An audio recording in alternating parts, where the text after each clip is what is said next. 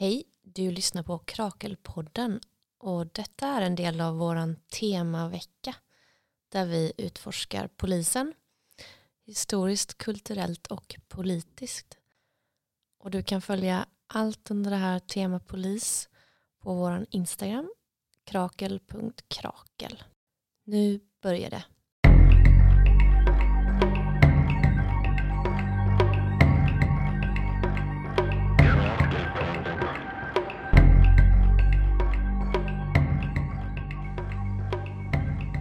Hej och välkomna till det sista samtalet i eh, den här samtalsserien som Krakel haft den här veckan om polisen.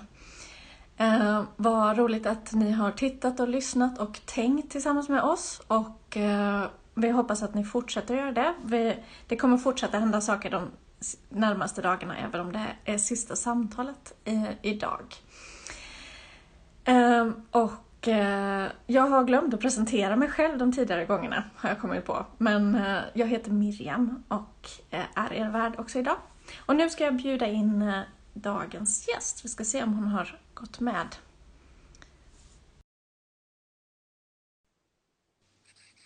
Så, hej! Hej! Ska vi se, jag har lite konstig bild här. Syns jag? Ja. Jag ser dig. Kanske Ja, vad bra. Men Ja. du är det fall. Hej! Välkommen Hej. Lina Hadred som Ja. driver kontot Avkolonisera Mera. Eh, och jag får också hälsa dubbelt välkommen till dig för du är också ny medlem i Krakel och ska leda en studiecirkel eh, tillsammans med oss Det stämmer. om The End of Policing av eh, Alex Vitale. Och ehm, jag tänker att du är en del av en rörelse som verkligen ligger i framkant att eh, liksom utmana diskursen, den svenska diskursen om polisen. Så att det känns ju jättekul att du vill hålla i den cirkeln och det är ju en enorm chans för alla som har möjlighet att gå den. Ja, Eh, bara säga det också att om man vill gå den så kan man gå in på vår hemsida krakelkrakel.com så finns det mer information och så kan man anmäla sig. Så. Vilket datum var det nu den börjar? Ganska den snart. 17 har vi sagt nu. 17 Ja. varannan vecka. Precis, så passa på. Och det är, det är ju ofta populärt att gå våra cirklar så passa på. Det är först till kvarn helt enkelt. Yes. Ehm, ja, du har ju hört säkert de tidigare samtalen vi haft den här veckan. Ehm, så jag Mm. tänkte att börja med att fråga dig om vad du har för reflektioner, vad du har tagit med dig, vad du tänker. Ja, eh, alltså något som verkligen stannade vid mig, jag tror att det var, kom upp i samtalet med Elina som du hade. Ehm, det här med trånga narrativ, alltså att det är ett trångt utrymme för narrativ. Ehm, och jag tänker att så här, både kring polisen, vad, vad polisen är, ehm, men också vad vi tänker oss för lösningar på våra problem som kretsar kring våld. Liksom. Att det finns inte jättemycket utrymme för andra perspektiv än att eh, vi behöver stärka, till exempel om man, om man pratar om eh, våld mot kvinnor till exempel, att ja, men staten behöver bli starkare i att lagföra och, och så. Men att när man fördjupar sig i det, i det så ser man att det är ju en ganska ofullständig eh, analys. Eh, liksom. Ehm, och att vi hjälps av att liksom bredda narrativen eller bredda historierna för vad som ryms. Vad behöver folk som blir utsatta för våld? Ehm, Det kan, man kan behöva många olika saker och att det inte alltid följer det här eh, spåret. Då. Mm.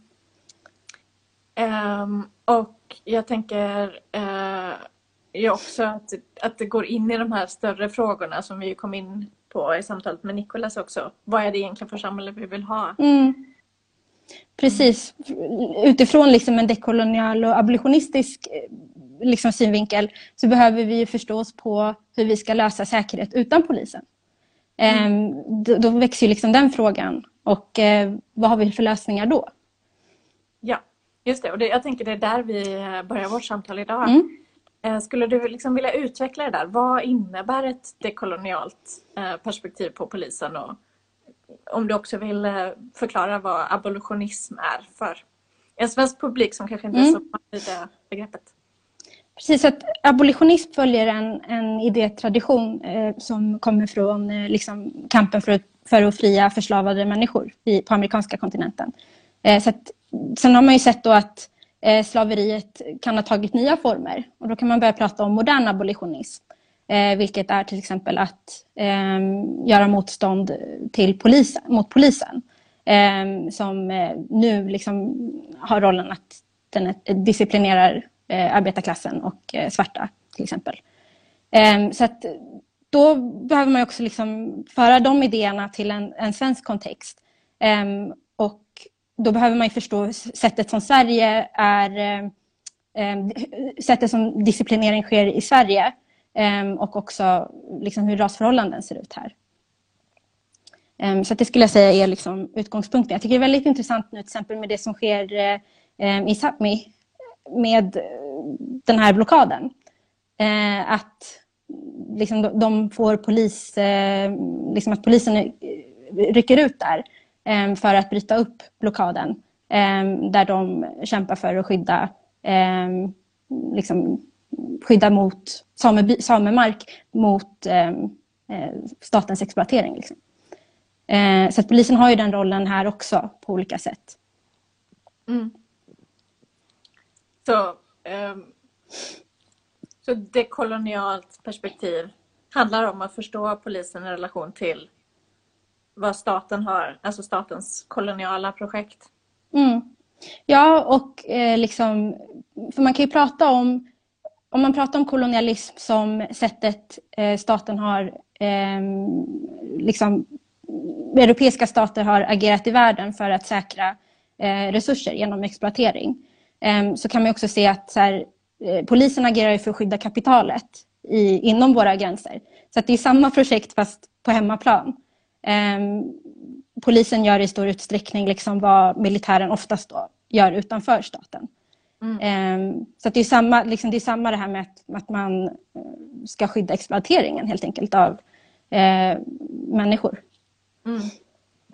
Um, och, och, och, och, vad skulle liksom ett, ett dekolonialt perspektiv på ja, bortom polisen, en, en tanke bortom polisen vara? Vill du beskriva det? Ja, då skulle det vara liksom en som inte bygger på eh, liksom förtryckande strukturer. Eh, att vi, att vi liksom löser våra frågor kring eh, trygghet och säkerhet och sånt som vi då outsourcar till polisen. Ehm, till att liksom ta tillbaka ehm, det till, i våra egna händer. Liksom för att se så här, hur, hur kan vi agera ehm, för att skydda oss själva. Och då handlar det också mycket om att inte eskalera våld. Att kunna eh, hantera våra konflikter till exempel genom nedeskalering och sådana saker. Eh, men men det, ja, det, det, finns väldigt mycket liksom där. Jag vet inte hur mycket vi ska gå in på specifika lösningar och idéer. Om, det, om det är något eh, du vill lyfta så ja, nej, men att, det är inspirerande att tänka så här.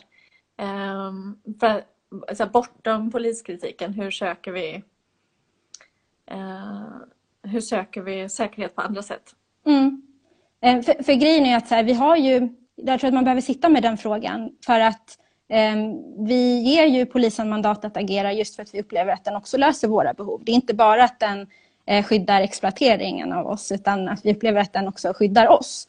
Eh, och då behöver vi rannsaka vissa idéer som vi har kring Ehm, det som vi upplever är liksom polisens område att agera. Vissa av de sakerna kanske vi behöver tänka om helt kring. Att nej, men det här behöver man inte ingripa i. Och andra saker som våld är svårare. Där behöver vi tänka kreativt för att eh, liksom hitta eh, svaren på vad vi ska göra utan polisen för att hantera problem med våld som vi har. Eh, och då, jag brukar prata om det liksom utifrån så fyra, fyra steg eh, kring att så transformera våld. Eh, och då kan man å ena sidan prata om eh, att man eh, liksom centrerar en person som blir utsatt för våld, deras trygghet, läkning och agens. Ehm, att folk som utsätter andra för våld, ehm, att man stöttar deras eh, transformation också, liksom ger utrymme för att ehm, de ska få utvecklas och eh, förändras. Och sen också liksom de bitarna som är kring våra gemenskaper, att vi behöver bli duktiga på att ingripa i och förebygga våld eh, inom våra, liksom, i våra skolor, i våra bostadsområden. Och sen det större liksom, samhällsperspektivet, vilket är att vi behöver ändra de förhållanden som vidmakthåller våld. Och då är det till exempel kapitalism eh, och annat som eh, ja, förtryck, förtryck liksom, i samhället. Det är också förebyggande av våld, eh, mm. behöver vi prata om. Liksom. Det, det för mig in på nästa fråga jag tänkte ställa. Alltså, om vi ska tänka oss att vi behöver ha både ett, ett kortsiktigt och ett mer långsiktigt eh, förhållningssätt till polisen. Eh, hur, hur tänker du kring det? Liksom vad, eh, polisen som samhället är idag respektive polisen som samhället skulle kunna vara. Mm. Vad har du för reflektioner kring det? Så kortsiktigt Ehm, skulle jag säga att vi behöver avbryta den, den liksom vägen som vi är på nu, vilket är att vi eh, ropar på ökad kriminalisering och eh, på att utöka polisens mandat. Eh, man hör ju det från alla håll. Liksom. Och långsiktigt så behöver vi tänka på just de, de här fyra bitarna som jag tog upp. Hur, hur ser det ut att, att eh, centrera en överlevare? Och där, där, tycker jag redan nu att man kan börja tänka kring de överlevare av våld som inte vill eh, kontakta polis, att det vore liksom ett övergrepp kanske till och med att kontakta polis. Eh, hur gör vi för att försäkra deras säkerhet? Eh, är en jättebra plats att börja. Eh, och liksom, hur ser det egentligen ut för eh, folk som skadar andra? Hur, hur, ser deras transformation ut? Vilka utrymmen finns för det? Eller hur skulle ett sånt, eh, ett sånt samhälle eller en sån, sån miljö vara? Eh, vad behöver den? Eh, mm. Ja, och det, det, liksom, det finns ju redan sätt som vi kan börja med det nu utan att man också säger ja men nu avskaffar vi polisen imorgon. Um, så jag tror att det är hjälpsamt att tänka på det sättet. Liksom. Mm. Eh, för då, det för ju tankarna till att ha liksom ett, eh, ett, ett underifrån perspektiv på att bygga sociala, alternativa sociala strukturer helt enkelt. Mm. Alltså en frihetlig eller anarkistisk idé om att organisera samhället underifrån. Uppfattar jag det rätt att det är liksom den, den linjen? Ja, ja det finns mycket överlapp eh, där. För det, det, handlar ju om liksom att eh, så ju närmare man är en, en, eh, en viss situation, vi säger en våldssituation, desto bättre kommer man ju vara på att lösa problemet. Så att så här, den här idén om att vi vet bäst vad lösningarna på våra problem är. Eh, och vi bara liksom behöver eh, kom, liksom få tillgång till det. Eh, den, den kraften som finns i det. Eh, att vi tillsammans kan göra det vi behöver. Liksom. Lösa mm. de problemen vi har. Så det är, där finns det väldigt mycket överlapp med anarkistisk tanke. Sådär. Alltså mellan ett dekolonialt och ett anarkistiskt? Ja, precis. Eh, eller ett liksom abolitionistiskt sätt att tänka på, på, på det. Mm. Um. Mm. Men, eh, Eh, liksom, ser du att den rörelsen finns eller finns det liksom tendenser till att den rörelsen eh, är under utveckling skulle du säga? Alltså alternativa sociala strukturer till polisen? Jag tror att det finns massa exempel på det. Vi behöver ibland så omformulera det eh, så att vi liksom förstår att det är ju det, det man gör. Ehm, jag tror så här, varenda gång som, som det sker ett bråk mellan dina kompisar och du eh, liksom kommer in och hjälper till för att den konflikten ska eh, nedeskaleras utan att du ringer polis eller liksom så. Det är ju ett konfliktingripande liksom, som är icke-polisiär. Eh, och eh, om du hör din, att det är bråk hos din granne och du knackar på dörren bara för att liksom se att läget är okej. Det är också liksom det. Um, så att mycket tror jag är så här, det, det är väldigt intuitivt. Um, och annat kan vara så här, saker som man behöver utveckla. Det finns projekt där man har um, liksom olika typer av våldsingripare som är uh, från communityt och som inte eskalerar våld liksom som är tränade i det. Så det finns ju också sådana typer av så väldigt visionära projekt. Men om man tycker att det är läskigt så kan man också bara se till så här, men vad gör jag när, när någonting går fel? Och jag behöver liksom tänka snabbt. Eh, och inte ringa polisen. Liksom. Mm. Jag har fått eh, faktiskt en tittarfråga på det. Eh, mm. Om du ser ett exempel på en plats rörelse som hittat och praktiskt arbetar efter en modell utan polis? Ja, um, det finns liksom många olika typer av... Eh, så för, för, för grejen är så här, i, i miljöer där man, där man redan har som praktik att så här, det går inte att ringa polisen. Där finns det också mycket överlapp med eh, anarkistiska eh, grupper och så. Eh, att det, man har inte den, eh, det alternativet helt enkelt. Eh, då kommer det upp alternativ, liksom andra sätt att hantera det. Så det finns väldigt mycket grupper. Eh, och det här är också så här, vi, vi hanterade ju konflikter inom polisen också. Ehm, så det är också så här urfolkstradition. Eh, finns det jättemycket kunskap från ehm, runt om i världen. Ehm, så att eh, absolut att det finns. Och det, och det finns också, om någon är intresserad av det kan ni höra av er till mig. För liksom, det finns så här hela webb, hemsidor liksom, som listar så här case studies, olika liksom, tips och typ bara för att få inspiration till vad man kan göra. Så att så länge man vågar drömma det eller vågar föreställa sig det så finns det saker man kan titta på helt enkelt. Ja, vad intressant. Och man kan kontakta dig genom Instagramkontot? Ja, jättegärna. Jag älskar att prata med, med folk om det här. Avkolonisera mera. Ja. ja äh, men äh, du har ju bott länge i USA där ju den här debatten, eller det här samtalet överhuvudtaget har kommit mycket längre. Eh, eh, vad tänker du, eh, om man, samtalet jag hade med Sverker eh, som publicerades igår så pratade han om att eh, eh, kanske behöver den, man kan inte översätta till svenska förhållanden hur som helst, kanske behöver eh, den svenska europeiska eh, historien vara specifik eller liksom att den svenska europeiska relationen mellan polis och medborgare också har eh, sin egen historia. Vad tänker du kring det? Ja, alltså det är ju onekligen sant att liksom Sverige har sin egen historia och det är väldigt viktigt att, att känna till den. Så det, det jag jobbar mycket med att försöka så här, kontextualisera eh, saker till Sverige. Eh, det som jag tar del av från, från USA.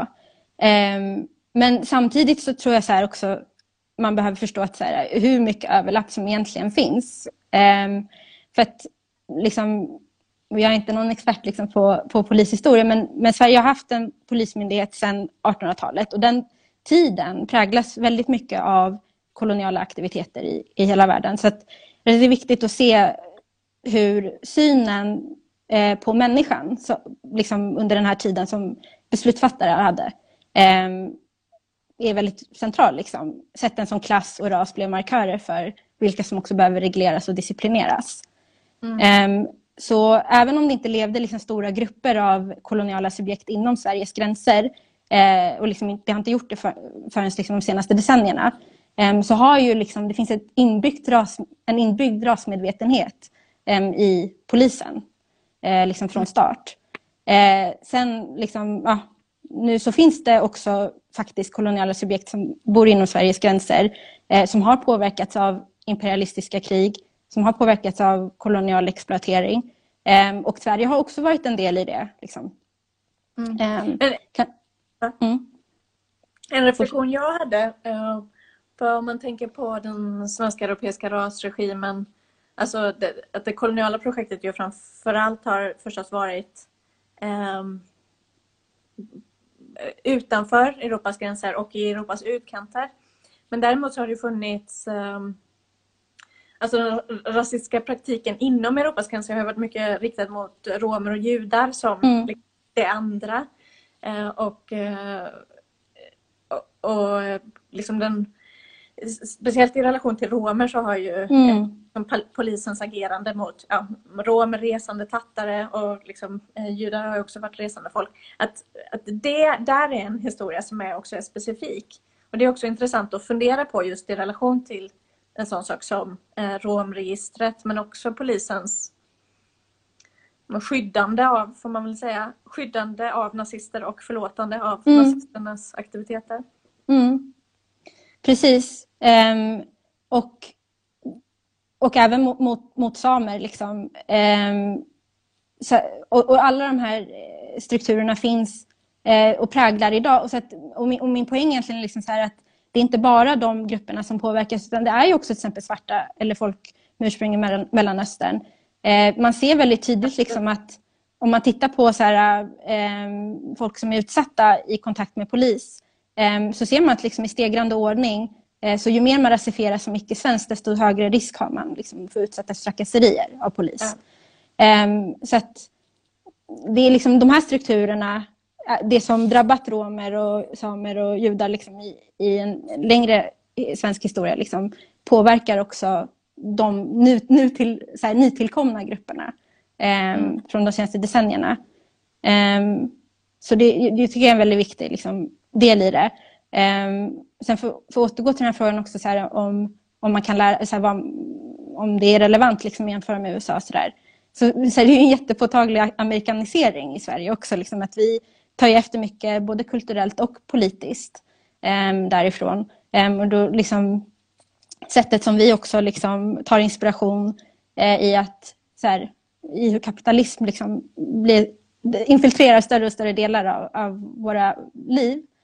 Ehm, och det ökar klyftor. Och det är också liksom så här, äh, någonting som orsakar, eller liksom någonting som skapar ehm, sociala förhållanden som vidmakthåller våld. Ehm, så att den utvecklingen ser vi också. Sverige är världens mest nyliberala land på många ja, sätt. Ja. Går mot en amerikanisering av förhållandena. Ja. Absolut. Så det, det, tycker jag är jätteviktigt att tänka på. Liksom, att så här, det, det, är ett skräckexempel i USA. Liksom, att våld ökar ju i de situationerna och det ökar ju också liksom, eh, ett ökat våld innebär också mer rädsla hos poliser. Att de också liksom reagerar mer på, eh, på den rädslan som kommer upp av att våldet generellt ökar. Eh, eller liksom att militariseringen av polisen också leder till en eskalering av, av våld i samhället. Liksom, hos folk som kriminaliseras då, som svar på mm. det. Och det, så det ökar också risken för skjutningar, polisskjutningar. Um, så att jag tror mycket är så här, väldigt mycket så här skräckexempel man kan lära sig av.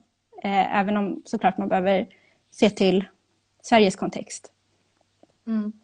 Precis, så ja, man, man kanske den eh, självklara sammanfattningen men att det finns både överlappningar och eh, specificiteter. Mm. Eller liksom. Mm. Ja, um, men, uh, men om man då tänker på rörelsen, för att liksom rörelsen, den amerikanska rörelsen har ju kommit mycket längre. Vad tycker du att liksom den, den svenska vänstern, den svenska feministiska antirasistiska rörelsen um, kan lära sig och på vilket sätt behöver den utvecklas när det gäller de här frågorna? Ja, alltså jag tycker att eh, generellt liksom ett mycket större kritiskt öga till, till staten. Så här, vilka skyddar staten egentligen? Eh, vem är det som har eh, möjlighet att få rättvisa? Eh, även om vi breddar liksom idén om att, så här, ja, att kvinnor ska få bättre skydd. Eh, så här, vilka, vilka kvinnor är det då? Det kanske inte kommer någonsin vara kvinnor som till exempel eh, Ehm, liksom sysslar med kriminaliserade aktiviteter. De kommer kanske, liksom aldrig, även med den idén, liksom, kommer inte de få skydd. Så vad, vad gör de kvinnorna då? Ehm, och ja, liksom att, man, att man faktiskt ser på de, de utgår från de som är verk, liksom mest utsatta. Um, det perspektivet skulle jag önska mer.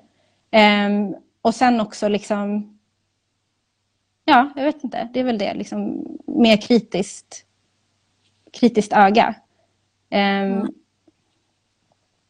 Det har funnits en stark tradition i liksom den svenska progressiva rörelsen av att vara att ändå betrakta eh, staten som den goda fadern liksom, mm. på ett sätt som är, som är jättefrämmande i en nordamerikansk vänsterrörelse. Ja, och jag, och jag, jag har haft lite så här, och det här är väldigt fria tankar nu, men, men eh, så här, så här, kring hur disciplinering ser ut i Sverige. Att så här, I USA är den ju mycket mer synligt brutal. Eh, liksom, att det är väldigt mycket liksom mer synligt våld. I Sverige så har vi också en, en liksom tradition av ett så här väldigt så här tyst disciplinering. Av att eh, det sker liksom i, inte lika mycket med det här uppenbara våldet.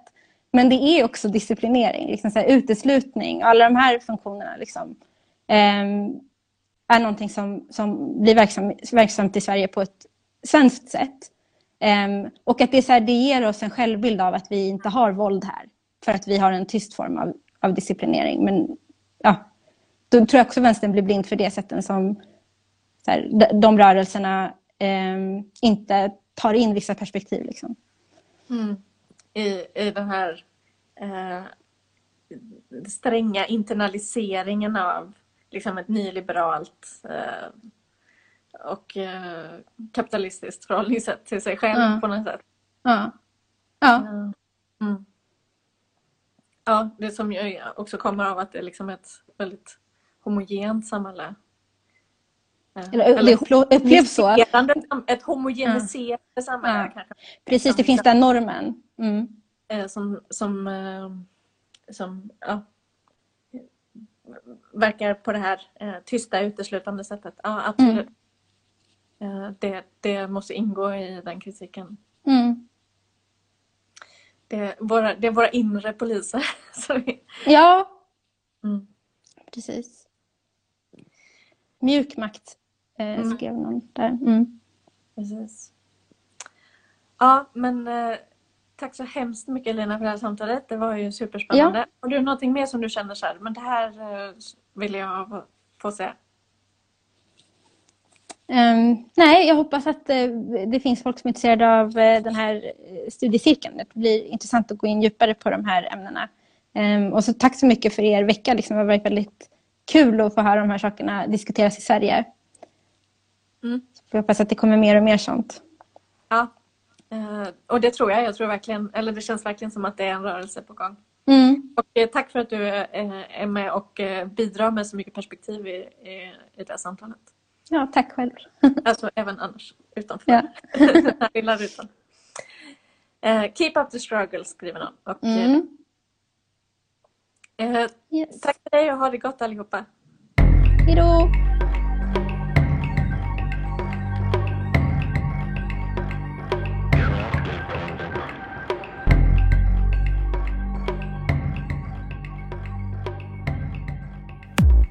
Du har lyssnat på en podcast som görs i samarbete med ABF Malmö.